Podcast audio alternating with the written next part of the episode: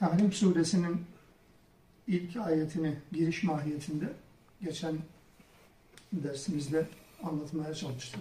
Üzerinde durmaya çalıştık. Tahrim suresi tam anlamıyla bir aile suresi. Aileyle ilgili iyi ve kötü örneklerin anlatıldığı bir sure demiştik. Surenin girişinde ilk beş ayetinde özellikle Hazreti Peygamber ailesi özelinde ailenin karşılaşabileceği kimi sorunların çözümü için Allah Teala'nın söyledikleri söz konusu bu ilk beş ayette. Peygamber'e hitap eden bir cümleyle başlamıştı. Bunu o ayeti tekrar hatırlama babından söyleyelim yine. Peygamber'e hitaben başlayan bir cümle aslında. Ey peygamber eşlerini memnun etmek için, onların gönlünü almak için ne diye Allah'ın sana serbest kıldığı, helal kıldığı bir takım şeyleri kendine yasaklıyorsun diyerek peygambere uyarıyla başlayan bir sure. Fakat biz bu ayeti tahlil ederken demiştik ki peygambere her ne kadar peygamberin kendisine hitap edilmiş olsa da ey peygamber diye bir ifade olsa da aslında bu ifadenin muhatabı peygambere tabi olan, ona iman eden bütün Müslüman kadın ve erkeklere yöneliktir. Nitekim bu cümleden sonra gelen ikinci ayette özellikle siz zamirini kullanarak yani normalde ey peygamber diye başlayan bir cümlede sen diye devam etmesi gerekirken arkadan gelen cümlede Allah Teala siz ifadesini kullanmayı yeminleriniz şeklinde, yeminlerini değil de yeminleriniz şeklinde bir ifade kullanmaktan hareketle anlıyoruz ki bu aslında kurallar Müslümanların geneli için konulmuş kurallardır. İlk ayetle ilgili söylenmesi gereken bir takım şeyleri söylemiştik. Sadece belki bugün 5. ayete kadar okuyacağımız ayetlerin arka planını tespit etmek anlamında bir iki hatırlatma da bulunalım yine geçen dersten atıfla. Allah Resulü'nün ailesinde problem olarak karşılaştığı temel sorun evet yani ayetin de ifade ettiği gibi hanımlarının rızasını, gönlünü almak kastıyla peygamberin yaptığı bir hareketin Allah tarafından kabul edilmemesi. Bu hareketin mahiyeti nedir diye baktığımız zaman da işte bir eşinin yanında e, bir şeyler içmesi, başka diğer eşlerinin de bunu kıskanması üzerine ortaya çıkan dedikodular veya bir eşinin yanında birlikte olması, bir başka eşinin odasında birlikte olması, onun artık kıskançlık damarının kabarmasına neden olması ve bunun arkasından meydana gelen dedikodular. Bunun peygambere kadar ulaşması, peygamberin de aleyhissalatü vesselamın da bundan etkilenerek beşeri özelliği olarak yani tamamen beşer özelliklerinden soyutlanmış bir peygamber tasavvurumuz yok. Bundan tamamen soyutlanmış bir peygamberlik de yok. Dolayısıyla bu beşer özellikleri, bunun refleksiyle peygamberin artık o dedikodunun konusu olan bal şerbeti mi yoksa eşiyle birlikte olmak mı fark etmez. Neticede yemin ederek hanımlarından birkaç günlüğüne, birkaç gün dediysem yani yaklaşık bir aylık bir süre boyunca hanımlarından uzak kalma, yalnız kalma, bir nevi inzivaya çekilme ama bu normal bir inzivaya çekilme değil, hanımlarına karşı bir tavır olarak, bir bir nevi tedbir, e, eğitim olarak, bir terbiye etme yöntemi olarak veya bir uyarı olarak e, en azından herkes haddini bilsin anlamında bir ders çıkarılsın diye Peygamber aleyhisselam yemin ederek uzaklaşır. İşte bu ikinci ayet Peygamber aleyhisselamın yaşamış olduğu bu durumla ilgili yeminle alakalı Allah Teala'nın getirmiş olduğu bir çözüm. Bu çözüm nasıl ortaya çıktı? Allah Teala bunu hatırlatmış olacak ve özellikle peygamberle eşleri arasındaki ilişkilerin Allah tarafından bizim dikkatlerimize sunulması gereken önemli olan boyutlarıyla ortaya konmuş olacak 3, 4 ve 5. ayetlerde. Şimdi bu ikinci ayette ne diyor Allah Teala? قَدْ فَرَضَ اللّٰهُ لَكُمْ تَحِلَّةَ اَيْمَانِكُمْ Allah gerektiğinde yeminlerinizi bozmayı ve dolayısıyla yemin bozulunca da bunun bir bedeli var. Kefaret denir buna. Bunun kefaretini ödemeyi size meşru kılmıştır. Size aslında muhatap peygamber değil sadece. Yani burada sadece Türkçe'ye çevirirken bu cümleyi böyle kullanmıyoruz. Arapça metinde de böyledir. Tahillete eymanikum faradallahu lekum. Bu nedir? Siz. Tekil değil, çoğul şahıs olarak kullanıyor bu. Dolayısıyla siz formuna geçmiş oluyor. Birinci ayette sen formundayken bu siz formuna geçmiş olması ümmeti ilgilendiren bir evrensel mesaj içerdiğini de bize göstermiş olur. Evet yani bu yeminlerinizi bozarken bunun nasıl bozulacağını, nasıl telafi edileceğini, bedelinin nasıl ödeneceğini Allah Teala ortaya koymuştur. Vallahu mevlakum Allah sizin yardımcınızdır, Mevlanızdır. Ve huvel alimul hakim. O her şeyi bilendir. Hüküm ve hikmet sahibidir. Bütün yaptıkları birbirleriyle tutarlıdır. Hikmetin böyle bir anlamı da var elbette. Burada peygamber bir yemin etmişti. Hanımlarından uzak kalma. Normalde yemin etmeden çekilebilme ihtimali de olabilir ama değil. O da yemin etmiş ve bu yemini Allah tarafından dikkate alınarak onun bozulması gerektiğine hükmedilmiştir. Yeminin bozulması gerektiği ne demek?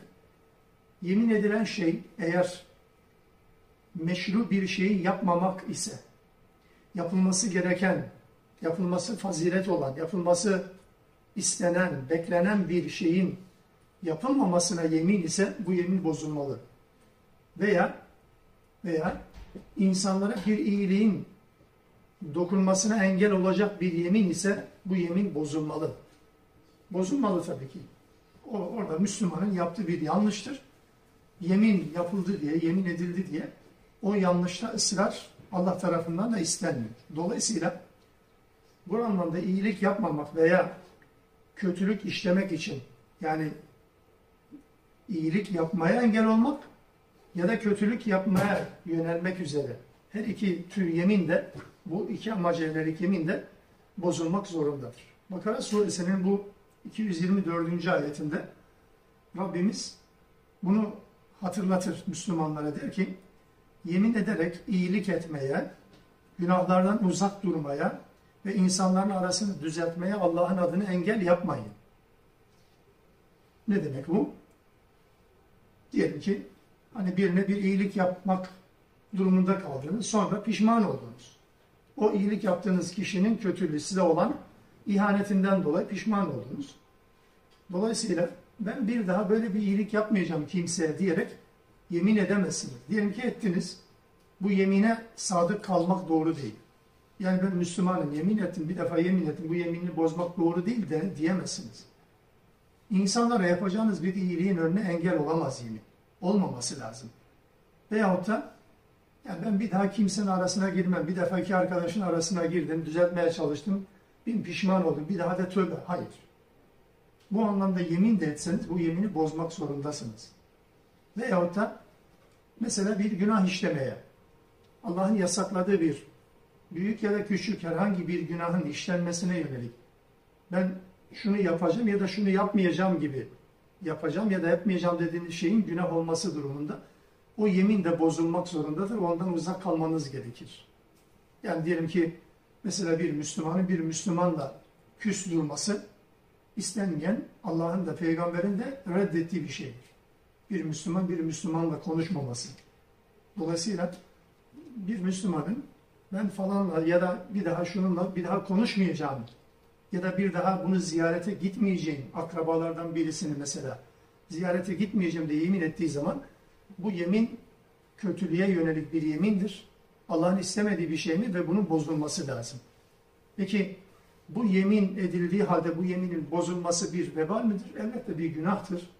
Yeminin edilmesi, boşu boşuna yemin edilmesi bir günahtır. Bunun bozulması gerekir derken hiçbir şey olmamış gibi davranılmaz. Bunun bir tevbe istiğfarı gerekir elbette, bir pişmanlık süreci gerekir. Peki bu durumda, bu tür yeminlerin bozulması durumunda bunun bedeli nedir? Tahrim suresinin bu ikinci ayetinde bunun detaylarına girmiyor. Yani yeminlerinizi nasıl bozacağınızı, bozduktan sonra yeminle alakalı kefaretin nasıl olacağını Allah Teala ortaya koymuştur. Nerede ortaya koymuştur? Burada Kur'an'ı okuma ve anlamayla alakalı bir yöntem, mini ipuçlarını görebiliriz. Burada Allah Teala ortaya koymuş. Nerede ortaya koymuş? Bir meseleyle alakalı, bir konuyla alakalı Kur'an-ı Kerim'in bütün ayetlerini o konudan söz eden doğrudan veya dolaylı, kısa veya detaylı söz eden bütün ayetlerini göz önünde bulundurmadan o konuyla alakalı karar verme imkanımız yok.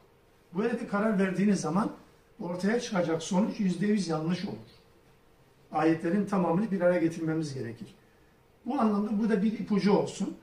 Yani yeminlerinizi nasıl bozacağınızı, nasıl kefaret ödeyeceğinizi Allah Teala açıklamıştır. E nerede? Üçüncü, dördüncü ayette bekliyoruz. Yok böyle bir bilgi. Nerede var bu? E, Maide suresinde söz konusu edilmiş. Maide suresinin sonlarına doğru yani 89. ayette bunun nasıl çözüleceğine dair Allah Teala kurallarını ortaya koymuştur. Tabi Maide suresinin baş tarafları önce e, sonra nazil olmuştur ama son kısımlarının daha önceki dönemlerde nazil olduğunu hatırlatmış olalım. Yani bir surenin mesela 120 ayetlik bir suredir Maide suresi. Bu surenin hepsi bir anda toptan inmemiştir. Bazı böyle toptan inen sureler var bir bütün halinde ama Maide suresi öyle değil. Bu ayetler daha önceden anlaşılıyor ki Tahrim suresinden önce nazil olmuştur.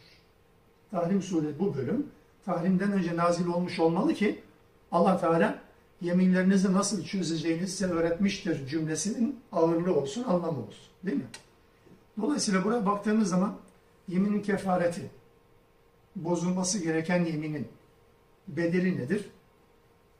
Bizim toplumda hep yanlış anlaşılır. Yemini bozan birine ilk etapta denir ki yani üç gün oruç tutman lazım. Hayır. Üç gün oruç tutmak yeminin birinci öncelikli bedeli değildir. Bakın Allah Teala bunu sıraya koş. Bu yeminlerin kefareti nedir? Ailenize yedirdiğinizin ortalamasından 10 fakiri doyurmak.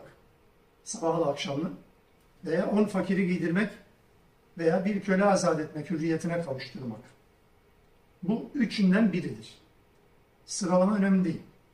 Yani köle azat etmek mi, on fakiri doyurmak mı, on fakiri giydirmek mi? Kolaydan zora doğru gidiyor dikkat ederseniz. Yani on fakiri sabah akşam doyurmak, on fakiri elbise olarak giydirmekten daha kolay. On fakiri giydirmekle köle azat etmekten daha az pahalıya mal olur. Dolayısıyla bu kolaydan zora doğru, azdan çoğa doğru bir bedel ödetir. Bu üçünden biri arasında birinin tercih yapabilirsin. Şartlara göre neyse. Hangisinin gönlün istersin. Fakat orada bir cümle var. Dikkatinizi, dikkatinizi çekmek istedim. İşaretlediğim cümle. Ailenizin, ailenizi yedirdiğinizin ortalamasından. Şimdi yeminin kefareti ne oldu bu zaman? Herkesin kefareti aynı değil. Bu İslam'ın ortaya koymuş olduğu önemli bir bakış açısıdır. Herkesin yemin kefaretinin miktarı aynı olmaz. Bu önemli bir kuraldır. Bu söylediğim cümle de ayetin yorumu değil. Ayetin bizatihi lafzın kendisidir. Ailenizi yedirdiğinizin ortalaması. Ne demek bu? Yani hepimiz aile içerisinde yaşıyoruz. Ailece yediğimiz yemeklerin diyelim ki 30 gün üzerinden hesap ettiğimiz zaman 30 günün 30 günü de eşit olmaz. Bazen çok ucuz bir menüyle vaziyeti kurtarırız. Bazen çok ağır bir yemek külfetli bir mükellef bir sofra hazırlarız. Bazen öyle bazen böyle. Ama nedir bu? Normal ortalama yemek neye mal olur? İşte yani bir gün 10 lira, öbür gün 100 lira. İşte toplam ayda ortalama e, bir günlük yemek nedir? Bir günlük yemek 200 liraya mal oldu aileye. Evet, sizin bir fakiri doyurma kefaretiniz de 200 liradır. Dolayısıyla herkesin beslenme şekli farklıdır. Yani sabah akşam karnını tosta doyuranın kefareti 10 arkadaşına tost yedirmektir. Dürümle doyuyorsa dürüm yedirmektir. Yok birinci sınıf lüks restoranta gidip yemek yiyorsa başka yerler kurtarmıyorsa onun da bozduğu yeminin kefareti de öyledir. Bu cümle dikkatinizi çeksin. Peki şöyle bir mukayese yapsak. Hani Ramazanlarda genelde ilan edilir e, fitre miktarları. Bizde genelde en asgari düzey dikkat alınır. İşimize geldiğinden dolayı cebimizden çıkacağı zaman biraz hesap kitap işini biliyoruz. Halbuki bu kural burada da geçerlidir. Herkesin fitresi aynı olmaz. Herkesin fitre miktarı aynı olmaz. Yani bakmayın Diyanet'in ya da işte belli kurumların işte bugün bu yılın fitresi şu kadardır. Komik kaçar öyle şey değil. Herkesin fitresi de miktarı da o anlamda değişir. Şimdi bu üçünden birine yönelmek gerekecek. Üçünden birini yapabilirsiniz ama üçünden birine güç yetiremiyorsa dikkat edin ayet ne diyor? Bunlardan birine güç yetiremeyen kimse ne yapar? O zaman üç gün oruç tutar. Üç gün oruç tutacaktır onun yerine. Kefaretlerin yani kelimde değişik şekilde kefaretler var. Hatayla adam öldürmenin kefareti, kasıtlı değil o. Hatayla adam öldürmenin kefareti, ondan sonra zihar denilen boşamaya benzer şeyin kefareti, yeminin kefareti, benzeri kefaretler bakıyorsunuz. Hep işin ekonomik boyutuyla değerlendirilir. Yani topluma bir katkı sunacak şeydir. Yani kelimenin mantığı budur. Yani birisi bireysel anlamda bir hata işledi. Rabbine karşı işledi hata aslında bu. Fakat bunun bedelini öderken Allah diyor ki bunu topluma yaslayacaksın. Onun için mesela oruç sonra geliyor. Önce topluma katkı sunacak olan doyurma, giydirme ve benzeri bir sosyal etkinliğe katkısı olacak türden bir kefaretin olması gerekir. Burada da böyledir. Bu yeminin kefaretini Allah Teala böyle çözmüş vaziyettedir.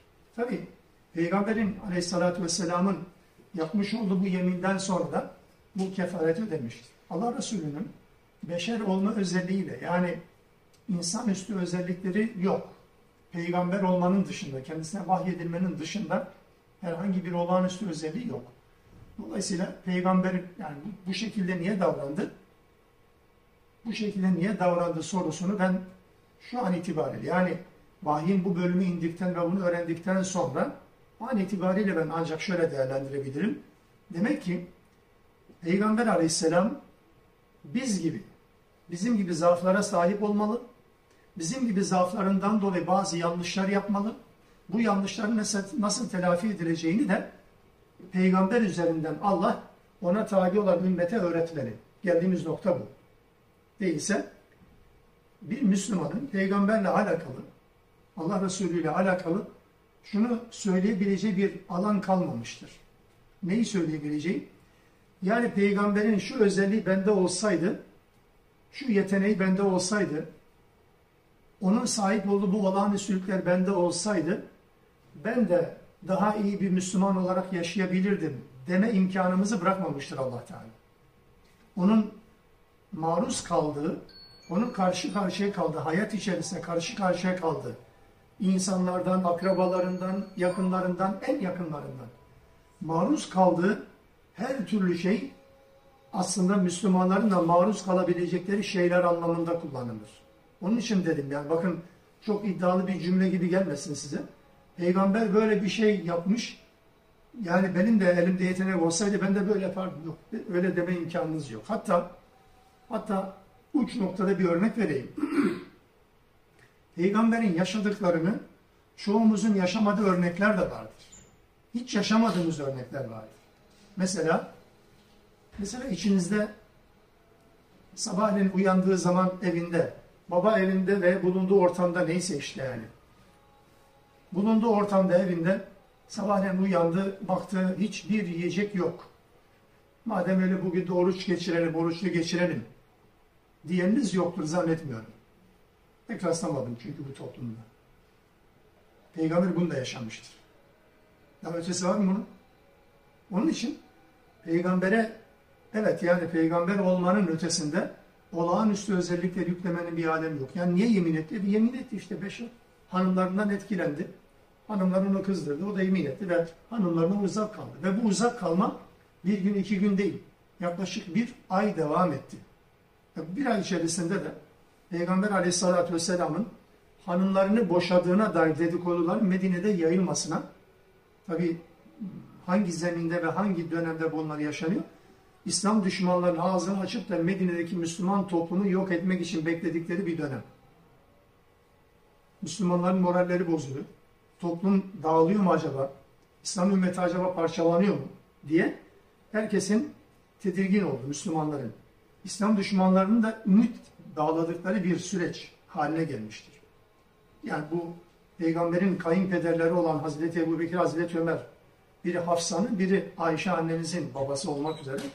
Bunlar da mesela tedirgin olmuşlar. Kızlarına uyarda bulunmuşlar. Peygamber aleyhissalatü vesselam hanımlarını boşadığı dalgası, yaygarası Medine'de dedikodu olarak yayılmışlar. Böyle uzun, zahmetli, meşakkatli, gerçekten problem üzerine problemler yaşadığı bir dönem yaşamış peygamber. Ve Allah Teala'da Tahrim suresinin bu ayetleriyle hem peygambere bir çözüm şekli ortaya koymasını söylemiş hem de e, Müslümanlara yönelik bir çözüm biçimini önermiş oluyor Rabbimiz. Ve sonra kaldığı yerden bu aileyle ilgili peygamber ailesi özelinde ama bundan tabi hareketle bizim de alacağımız dersler olacak.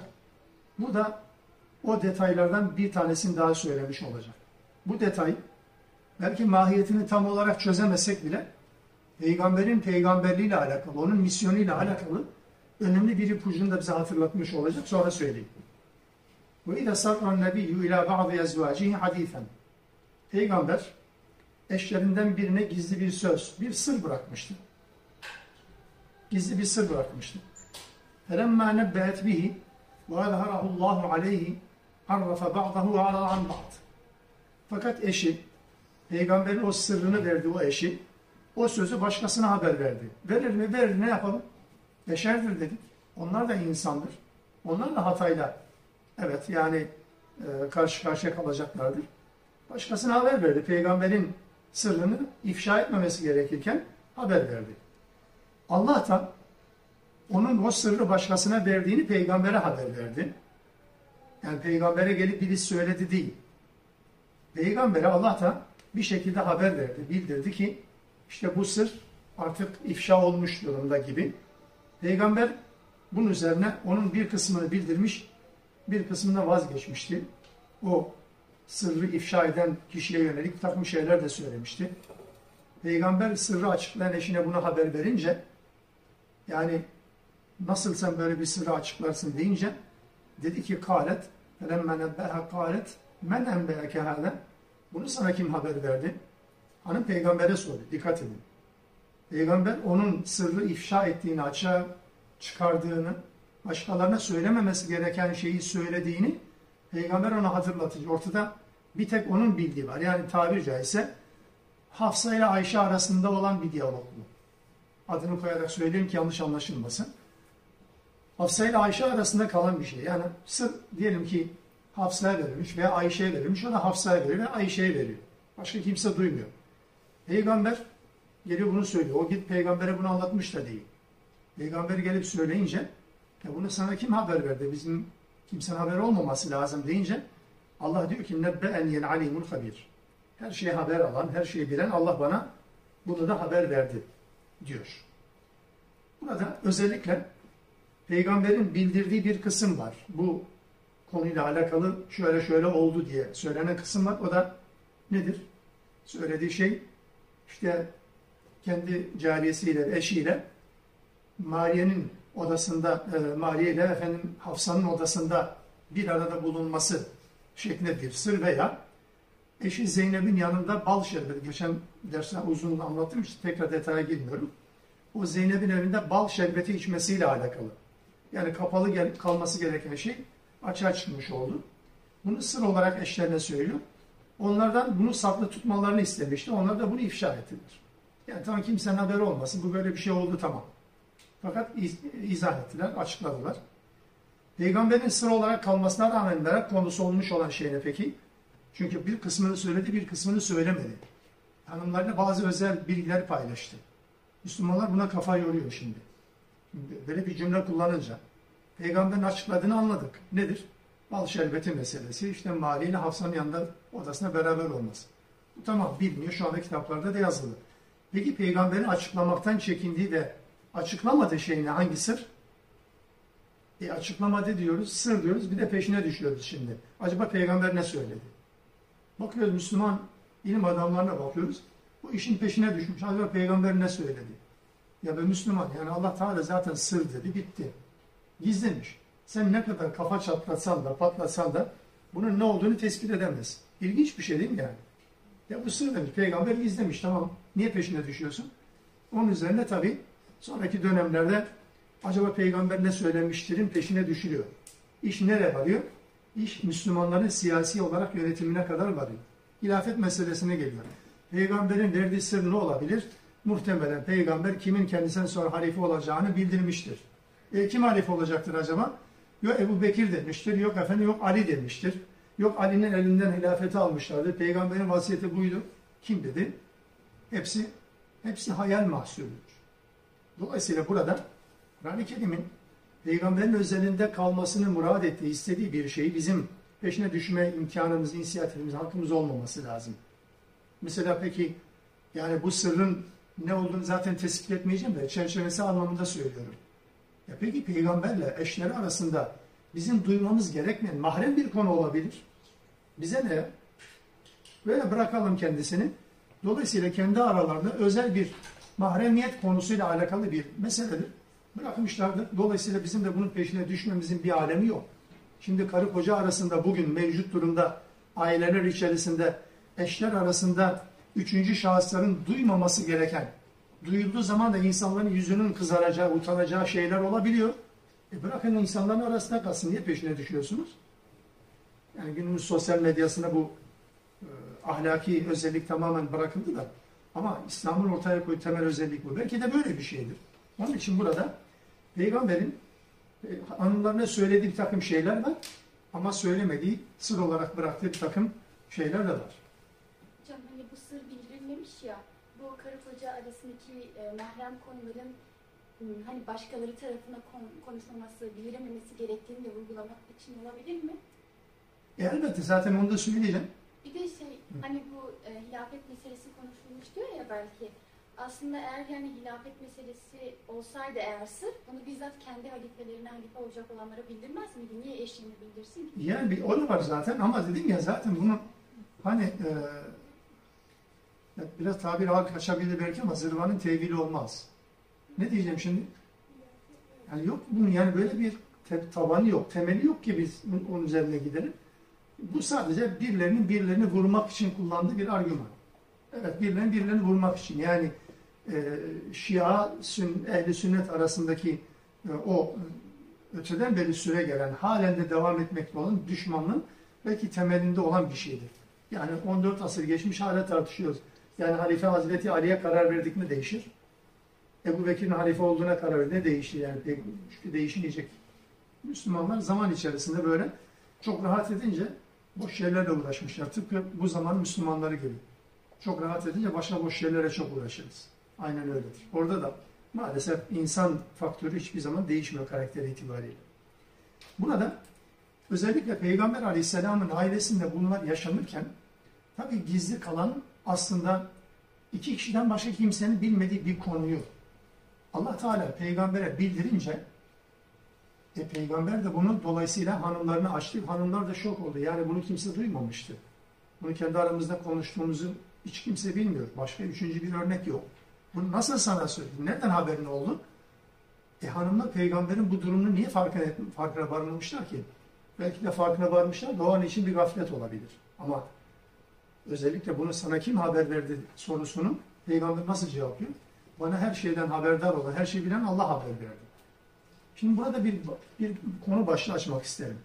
Şimdi bu konuda Allah Teala peygambere haber verdi. Çünkü öyle diyor değil mi? Bana Allah haber verdi. Peki Allah bu konuyla verdiği bir haber, bilgi Kur'an-ı Kerim'in neresinde var? Hiçbir yerde. Şimdi bu çok önemli bir metodoloji konusunu gündeme getirir. Allah'ın verdiği bilgi Kur'an'da yok. Çünkü bana bunu haber verdi. Bana haber verdi dediği şeyle alakalı bir en azından birkaç cümle olması lazım değil mi? Yani İşte Allah peygambere şunu bildirmişti. Peygamber de bunu hanımlarına bildir. Kur'an'da böyle bir bilgi yok. E peki Allah bildirdiyse ve ayet de bunu ifade etti, tescil ettiyse, onayladıysa o zaman Kur'an'ın dışında da bir vahyin Allah peygamber arası bir diyaloğun ve bu diyaloğun sonucu olarak bir takım emir ve yasakların konmuş olması gerekmez miydi? Bu husus burada ortaya çıkan işte. Çünkü böyle bir bilgi Kur'an'da yok. Tıpkı ne gibi? Mesela Fetih suresinin sondan bir önce, iki önceki ayeti لَقَدْ صَدَقَ اللّٰهُ رَسُولَهُ الرُّؤْيَا بِالْحَقِّ Allah senin rüyanı doğru çıkardı diyor. Nedir o? Rüya doğru çıktı. Peygamber mesele harama girecekti vesaire. Peki peygamberin gördüğü rüya nerede? Şimdi Allah Teala peygamberin gördüğü bir rüyadan bahsediyor. Ve bu rüyayı Allah Teala tasdik ediyor, onaylıyor. Rüya nerede? Rüyanın içeriği yok. Kur'an'ın içerisinde yok. Kur'an'ın dışında bir bilgiyi Allah Kur'an'ı bir bilgi halinde sunuyor. Geçen derste de bunun üzerinde biraz durmuştum. Peygamberin dindeki tasarrufu yetkisiyle alakalı. Kanun koyma, helal ve haram belirleme konusuyla alakalı birkaç şey söylemeye çalışmıştım hatırlarsanız. Bu da onun bir devamı mahiyetinde. Evet yani Allah'ın haber verdiği bir şey var. Fakat haber verdiği konu Kur'an'da olmadığına göre Kur'an'ın dışında bir vahiy türü de olduğunu buradan öğrenmiş oluyoruz. Ve burada özellikle Hazreti Peygamber'in hayatının hiçbir aşamasında vahyin kontrolü dışında kalmayacağını, özellikle dini bir özelliği olan, dini bir özelliği barındıran bir davranışı konusunda, söz ve davranışı konusunda vahyin kontrolü dışında kalmadığını da hatırlatıyor bize bu. Bu Tahrim suresinin olayları. Bilmem anlatabildim mi? Normal sıradan bir olay. Gündelik bir aile hayatı içerisinde yaşamış gündelik bir olay gibi. Aslında beklenen bu. Fakat bakıyoruz Allah Teala bunu kıyamete kadar gelecek Müslümanların okuyacağı bir Kur'ani metin haline getirdi. Herkes okuyacak bunu. Okuduğu zaman da cümlenin arka planında olup bitenleri, yani bu ayetlerin indiği zamanda, mekanda, muhatap toplumda yaşanmış olan olayları tek tek inceleyecek. Allah Allah. Yani bu kadar önemli miydi? Evet bu kadar önemli. Çünkü peygamberin hayatı öyle sıradan bir hayat değil. Allah'ın denetimi altındadır. Yani şurası beşeridir, burası nebevidir, burası peygamberindir, burası beşer. Hayır. Peygamberin bütün hayatı kontrol altındadır. Hayatında ortaya koyduğu bir davranış, söylediği bir söz, dini bir özelliğe sahip olacaksa daha sonra gelecek olan veya kendi çağdaşları tarafından ya da sonra gelecek olan Müslümanlar tarafından üzerinde düşünülecek, örnek alınacak, peşinden gidilecek, taklit edilecek bir durumsa Allah Teala o konuyla alakalı peygamberde bir hatırlatmada bulunur. Ya düzeltir, ya uyarır ya da yanlış olduğunu şiddetle hatırlatır. Dolayısıyla peygamberin hayatı Allah'ın denetiminde ve onayındadır sürekli. Geçen derse özellikle abdest konusunda, cuma namazı konusunda bir takım şeyler söylemiştim. Bir cümleyle söyleyeyim tekrar. Cuma namazını peygamber Allah kendisine cumayı farz kılmadan önce kılmıştı ve kıldırmıştı. Yıllar sonra cuma ile alakalı ayetler geliyordu. Abdest neredeyse 15 yıla yakın, hatta ne 20 yıla yakın bir süre içerisinde abdest, namaz için abdest alınıyordu. Ama abdestle alakalı ayet Kur'an'da ta 20 sene sonra geldi. Peygamberin son dönemlerinde geldi. Dolayısıyla peygamberin uygulamaları sadece Kur'an'a dayalı olan uygulamalar değildir.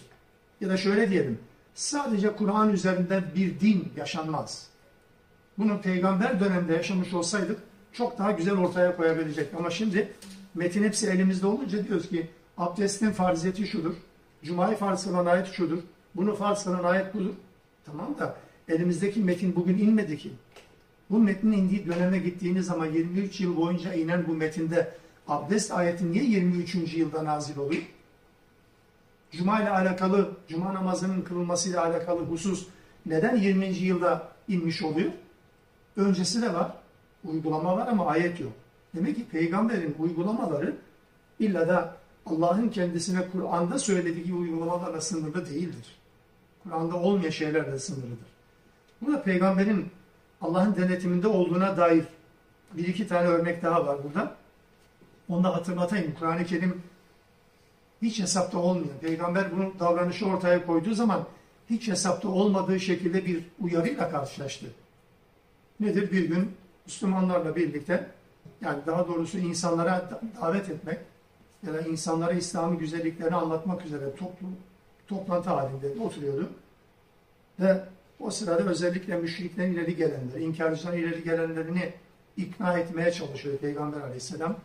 Yani anlatıyordu, anlatıyordu, biraz zorlanıyordu ama tam o sırada gözleri görmeyen bir ama sahabi geldi. Abdullah İbni Mektum geldi ve Peygamberin yanına yanaşmaya sıkış, e, çalıştı ve Peygamber aleyhissalatü vesselam onunla ilgilenmek yerine inkarcı elebaşlarına dini anlatmaya devam etmekle meşgul oldu. O ne kadar peygambere yanaştıysa peygamber onu biraz daha böyle ihmal etti. Tersleri değil. İhmal etti sadece. Niye? E zaten bu Müslüman olmuş. Zaten korsan da gidecek türden değil. Fakat berideki insanlar acaba dini anlatabilir miyim? Acaba tam tam ikna noktasına gelmişken buna yönelsem acaba bunların acaba morali bozulur, soğuyabilirler mi dinden endişesiyle bütün çabasını onlara yöneltiyor. Ama Allah Teala ne diyor? Abese suresinde Peygamberin bu tavrını bütün Müslümanların okuyacağı bir metin haline getiriyor. Yanına gözleri görmeyen birisi geldi diye yüzünü ekşitti ve sırtını döndü diyor Peygamber'e. Ve ben de bunu okuyorum.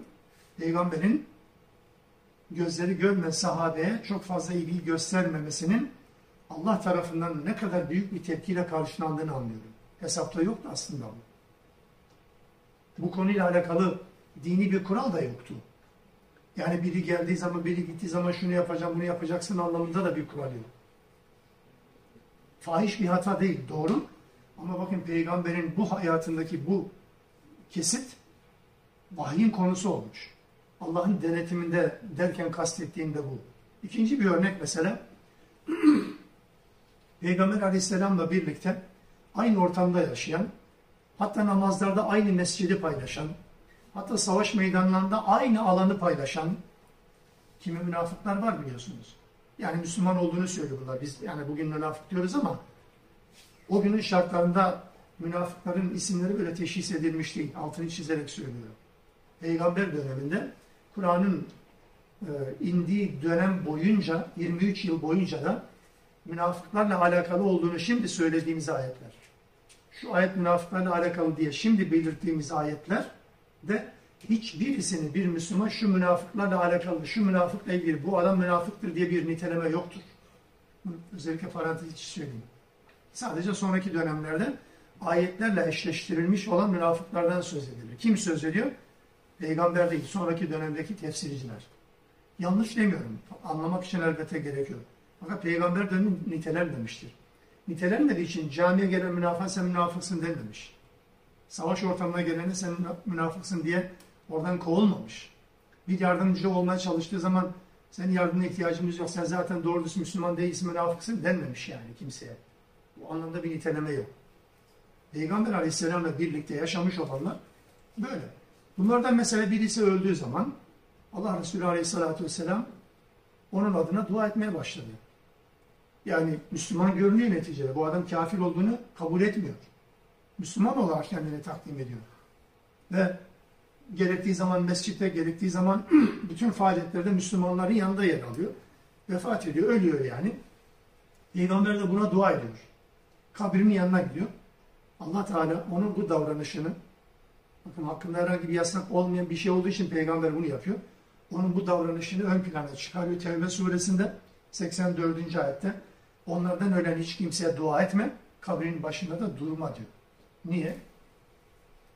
Çünkü bu Müslümanlar için o dönem ya da sonraki dönemler için bir uygulanması gereken bir özellik haline gelebilir. Bu anlamda görünüşte Müslüman gibi görünen ama davranışlarıyla İslam'a aykırı ve İslam düşmanlığıyla belli olan kimselerin mezarlarına gidip durmanın, onlara dua etmenin yanlışlığını biz peygamber üzerinden öğreniyoruz. Aslında bunu yaparken peygamberin böyle bir kriteri de yoktu. Peygamberin hayatı o açıdan hep denetim altındadır. Normal sıradan gündelik bir olay. Yani gelmiş, beraber birçok iş yapmışız. Adam ölmüş, e ben de vefa olarak yanına giderim diye düşünüyorum değil mi? Hayır, gidemezsin diyor. Kendisi kendisine dua etmemiş. Müslüman olarak çabalarını ortaya koymamış. Sadece görüntüde, ismi sadece Müslüman. Mesela bu münafığın adı da Abdullah. Adı Abdullah da olabilir. Abdullah bin Übey yani. Münafıkların reisi. Adının Abdullah olması ona istiğfarda, duada bulunmamızı gerektirmez. Müslüman toplumda yaşamış olması da gerektirmez. Hatta bizimle birlikte camide bulunması da gerektirmez. Camide bulunuyor ama aynı zamanda Müslümanların kuyusunu kazıyor. Anlatabiliyor muyum? Müslümanlar gibi konuşuyor, Müslümanlar gibi belki giyiniyor ama Müslüman düşmanlığından başka bir işi yok adamın. Kişinin veya kadının neyse. Dolayısıyla bu tip insanların mezarlarında durmanın, onlara dua etmenin yanlışlığını peygamber üzerinden öğretiyor. Bu olay yaşanırken peygamber bunu sıradan bir olay olarak zannediyordu. Dolayısıyla peygamberin normal hayatın akışı içerisinde yaptığı bir olay, yaptığı bir davranış veya söylediği bir söz Allah'ın kitaba, Kur'an'a yerleştirdiği bir kural haline getiriliyor. Onun için dedim peygamberin hayatı, bütün hayatı vahyin denetiminde, Allah'ın denetiminde ve kontrolünde nerede bir yanlış yapıldı? Özellikle Müslümanların buradan çıkaracağı bir ders olabilir. Buradan bir sonuç çıkarabilir, bir hüküm çıkarabilir. Böyle bir konuda elbette Allah Teala ne yapıyor? Orada hemen müdahale ediyor ve peygamberin o yanlışını muhtemel yanlışlara neden olacak yanlışını düzeltmiş olur. Olaya dönüyoruz tekrar dördüncü ayet. İn tetuba ilallah. Ey peygamber hanımları. Eğer siz ikiniz kullanılan ki ikiniz olduğu için söylemek zorundayım. Mesela siz bütün hanımlar demiyor. Siz ikiniz. Kim o ikisi? Olayın arka planını bilmeden bu ayeti anlatma, anlama imkanınız yok. Mesela siz deseydi genel bir hüküm üzerine konuşabilirdik. Ama ikiniz dediğine göre bu iki kişi tespit etmek gerekir. Burada bir kural daha çıkar, metodoloji daha çıkar. Kur'an anlama noktasında.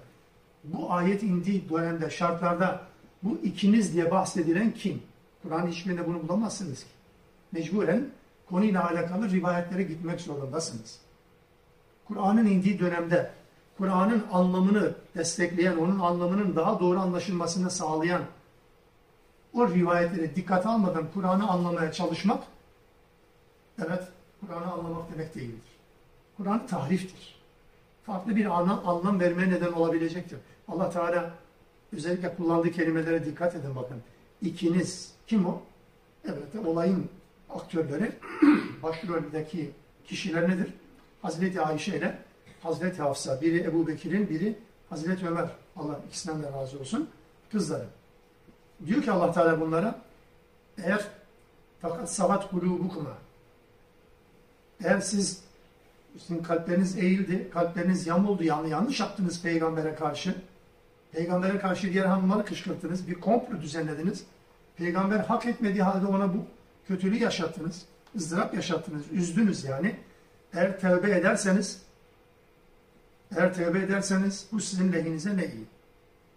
Tevbe ettiyseniz tamam kurtulursunuz. Değilse in tazahara aleyhi eğer peygambere karşı birbirinize arka çıkarsanız peygambere karşı birbirinize karşı peygambere karşı birbirinize arka çıkar yardımcı olursanız yani bir nevi bir ekip bir takım halinde peygamberi üzmeye yönelik bir şey oluşturmaya çalışırsanız şunu bilin ki ve innallahu ve mevlahu ve cibrilu ve salihul müminin Allah da onun Mevlasıdır.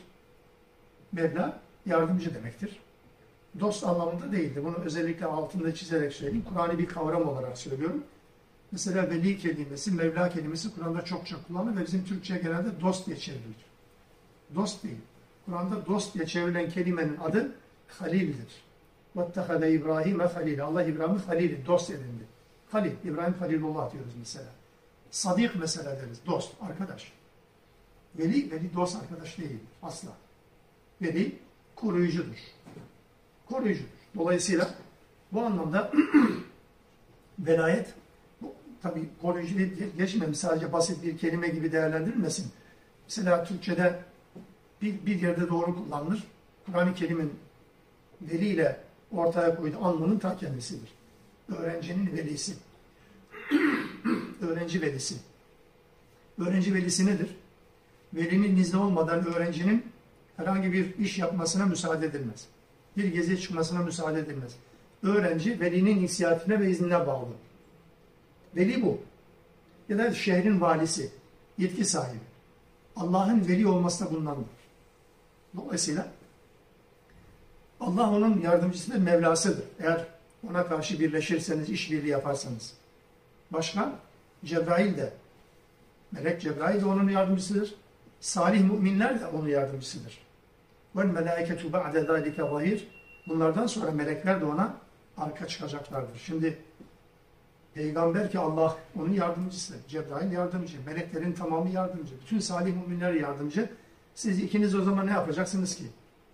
Peygambere karşı çıkarsanız, peygambere karşı kendi aranızda işbirliği yaparsanız bu sizin kaybınızı arttıran bir şeyden başka bir şey değildir. Burada peygamber hanımlarının peygambere karşı özellikle işbirliği yapmaları, farklı bir amaç üzerinde birleşmeleri elbette kabul edilir bir şey değil ki Allah Teala bunu Kur'an'ın vahyin bir parçası haline getirdi, önümüze koydu. Buradan hareketle eşlerine karşı sert tavırlı olan kadınların, onların İslami emir ve arzularını, yani eşlerine İslami emir ve arzularını, İslam'a uygun olan, meşru olan isteklerini yerine getirmeyen kadınlar için de bir uyarı niteliğindedir. Nikah akdi, nikah akdi bu bağlılığı gerektirir. Bunu unutmayalım. Tabi burada içinizden geçer belki de. Yani tamam da erkeklerin de bu konuda görev var mı? Elbette var. Burası onun söz konusu edildiği yer olmadığı için o faslı geçiyorum. Yoksa Allah'ın erkeklere yüklediği bir sürü görev var. Bu ayrı bir konu ama bu bağlamda söz konusu olduğu için bunu özellikle ön plana çıkarıyorum.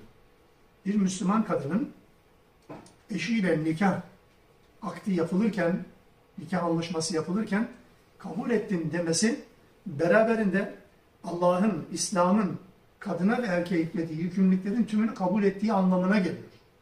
Sonraki süreçte, evliliğin devamındaki o süreçte kadının meşru olan bir takım şeyleri yerine getirmeme hakkı yok. Aynı şey erkek için de geçerli. Kadına karşı görevleri itibariyle. Nikah hakkı bunu gerektirir. Onun için mesela Anadolu'da da bir şablon haline gelmiştir. Allah'ın emriyle, peygamberin kavli. Bütün nikahlar böyle kıyılır. Allah'ın emriyle, peygamberin kavliyle. Eğer samimiysek, yalan söylemiyorsak Allah'ın emri, peygamberin kavli neyi gerektiriyorsa onu yapacağız. Dolayısıyla nikah akdi bunu gerektirir. Ya evlenmeyecek bir kadın ya da bir erkek ya da evleniyorsa bu akdin gereklerinin tümünü, sorumluluğunu üstlenmiş olacak. Kabul etmiş olacak yani dolayısıyla. Kaldı ki sosyal hayatta, modern hayatta, modern dönemde yani belki karşılaştırma biraz e, şey olmayabilir. Yani tam zihninize oturmayabilir ama ben doğru olduğuna kanaat getirdiğim için söyleyeceğim. Yani mesela sosyal hayatta bir kadının, kadınlar söz konusu olduğu için burada, söylüyorum ve burada hepiniz olduğunuz için söylüyorum. Bir kadının sosyal hayatta kendi amiri, kendi patronu, kendi müdürü, kendi ne bileyim işte kurum amirinin sözlerinden dışarı çıkmaması hatta her şeye rağmen hatta birçok sözlü hakaretlere rağmen mobbinge rağmen onun sözünün dışına çıkmaması ama buna karşılık Allah'ın emriyle, peygamberin sünnetiyle bağlanmış olduğu eşinin meşru olan sözlerinin dışına çıkması da kabul edilir bir şey değildir. Yani bir amire, sadece bir patrona veya bir efendim müdüre sadece imza etkisi olduğundan dolayı ya da sadece maaşını verdiğinden dolayı ya da işte ne bileyim tahakkuk amiri olduğundan dolayı onun ağız kokusunu çekecek ama helali olan, eşi olan insanla alakalı bunu kabul etmeyecek. Bu da bir Müslüman kadın için düşünmemiz, tenzih ederim sizi. Dolayısıyla burada peygamber eşleri üzerinden uyarı, kadınların eşlerine karşı olumsuz tavırlarının kabul edilemez olduğuna işaret eden bir cümledir bu. Ey peygamber hanımları, siz ikiniz özellikle peygambere karşı işbirliği yapan onu üzerseniz, tevbe ederseniz kendinize de ama üzerseniz Allah da, Cebrail de, melekler de, salih müminler de peygamberin yanında. Ve burada özellikle meleklerin vurgulanmasının nedeni ki sonraki ayette tekrar gelecek. 6. ayette de melek vurgusu var. Orada da tekrar melek vurgusu söz konusu. Niye? Çünkü biz yine Kur'an-ı Kerim'den öğreniyoruz. Allah Teala evet sürekli bizi kontrol etmektedir. Her yerde hazır ve nazırdır. Her zaman görmektedir ve her fiilimizi bilmekte.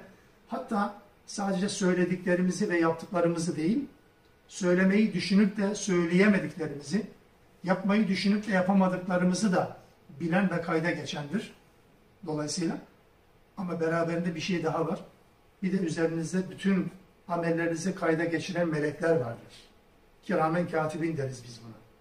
Kur'an-ı Kerim bunu böyle söyler. Ne vurgular peki bu? Yani sürekli kontrol altındasın. Hayatınızın bütün aşamalarında evet hayatınız kayda sicile geçiyor. Dolayısıyla bu bir Müslüman kadın ve erkeğin bütün hayatı boyunca kontrol altında tutulduğunu, her şeyinin hatta niyetlerinin bile kayda geçirildiğini bilince ne kadar yanlış yapabilir ki? Bir kameranın, bir kamera kaydının olduğu bir ortamda insanlar durup dururken ne suç işlerler ne de ayıplanacak bir davranışta bulunabilirler. Mümkün değil. Kamera kaydı var çünkü. Allah Teala bunu ilan etti.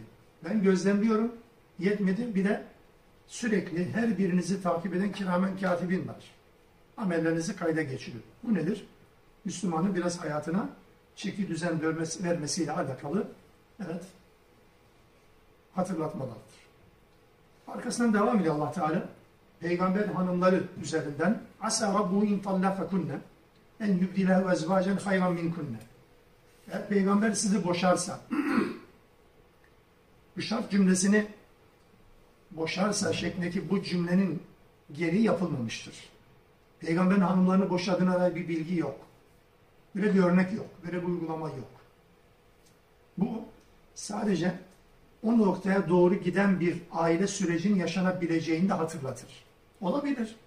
Yani evliliği yürütemeyecek durumda olan eşlerin elbette neticede bir şekilde ayrılmaları gerekir. Katolik nikah olacak hali yok ya yani hiç nikah bozulmadan boşanmayı tamamen reddeden bir anlayış İslam'da yok. Başlarken kurallarını, ölçülerini enine boyuna iyi konuşmak lazım. Sonra evliliğe karar vermek lazım. Evlendikten sonra baktınız olmadı. Olmayabilir tabii ki. Yani herkesin herkesle her şeye rağmen e, hayatı devam ettirme zorunlu. İslam buna bir çözüm getirmiştir. Yani bedenin tamamının bedenin tamamının kangren olup telef olmasındansa bir kolun, bir parmağın, bir organın kesilmesi herhalde en mantıklı yoldur. Boşama da bu anlamda bir tercih olarak, bir yol olarak ortaya konmuştur. Ama peygamberin hayatında bunun örneği yoktur. Yoktur yani. Peygamberin hayatında mesela örnek almamızla alakalı olmayan olay yok ama boşamayla alakalı yok. Ama bir şey daha var o da, o da şimdi aklıma geldi. Acaba bir Müslümanın kaynanasıyla ilişkisi nasıl olabilir? Buna alakalı örnek değil. Peygamberin ve kaynana, kaynana ilişkisi, şey yani peygamber hanımlarının kaynanalarla ilişkisi pek olmamıştı. Peygamberin annesi çünkü çok çok daha önce vefat etmiştir. Buna dair örnek de bulabiliriz. Keşke bir örnek olsaydı acaba nasıl davranılırdı? Ama bunun dair genel örnekler var elbette. Bu toplumun kronik vakası olduğu için söylüyorum. Yani bütün evliliklerde bu problem maalesef ön plana çıkar. Bu da bence İslam'ın çok daha iyi bilinmemesinden kaynaklanan bir şeydir. O yani neticede peygamberin hayatının örnek olmaması burada bir gariplik değil elbette. Sadece bir espri olarak söylemeye çalıştım. Hocam e, süt annesine geldiği zaman Hazreti Hatice'nin aslında gösterdiği o ilgide buna örnek olamaz mı? E süt annedir o. Süt anne hiçbir zaman ne o geleneksel anlamda süt anneliğinin anne gibi değerlendirildiği bir ortamda ne de bugün normal anne gibi değerlendirilmez. Hiçbir zaman yani. Çünkü onun evinde olmaz yani. Süt anne sürekli diyelim ki oğlunun evinde, süt oğlunun evinde sürekli yaşamaz. Dolayısıyla o biraz e, öbür tarafa kaçar. Hı -hı. Eğer sizi boşarsa Rabbi ona sizden daha hayırlı olan şu şu özellikteki kadınları da lütfeder.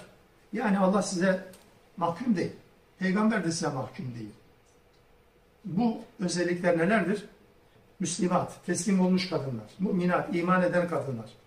Müslimat ve müminat kavramlarıyla alakalı, belki bugün dersimiz yetmez ama e, unutmazsam önümüzdeki hafta bu kavramlar üzerinde biraz daha detaylı durmamız gerekecek. Müslimat, teslim olan kadınlar, müminat, iman eden kadınlar, kanitat, boyun eden, boyun eğen, itaat eden kadınlar. Kime itaat eden? Öncelikle Allah'a, sonra Allah dediği için eşine.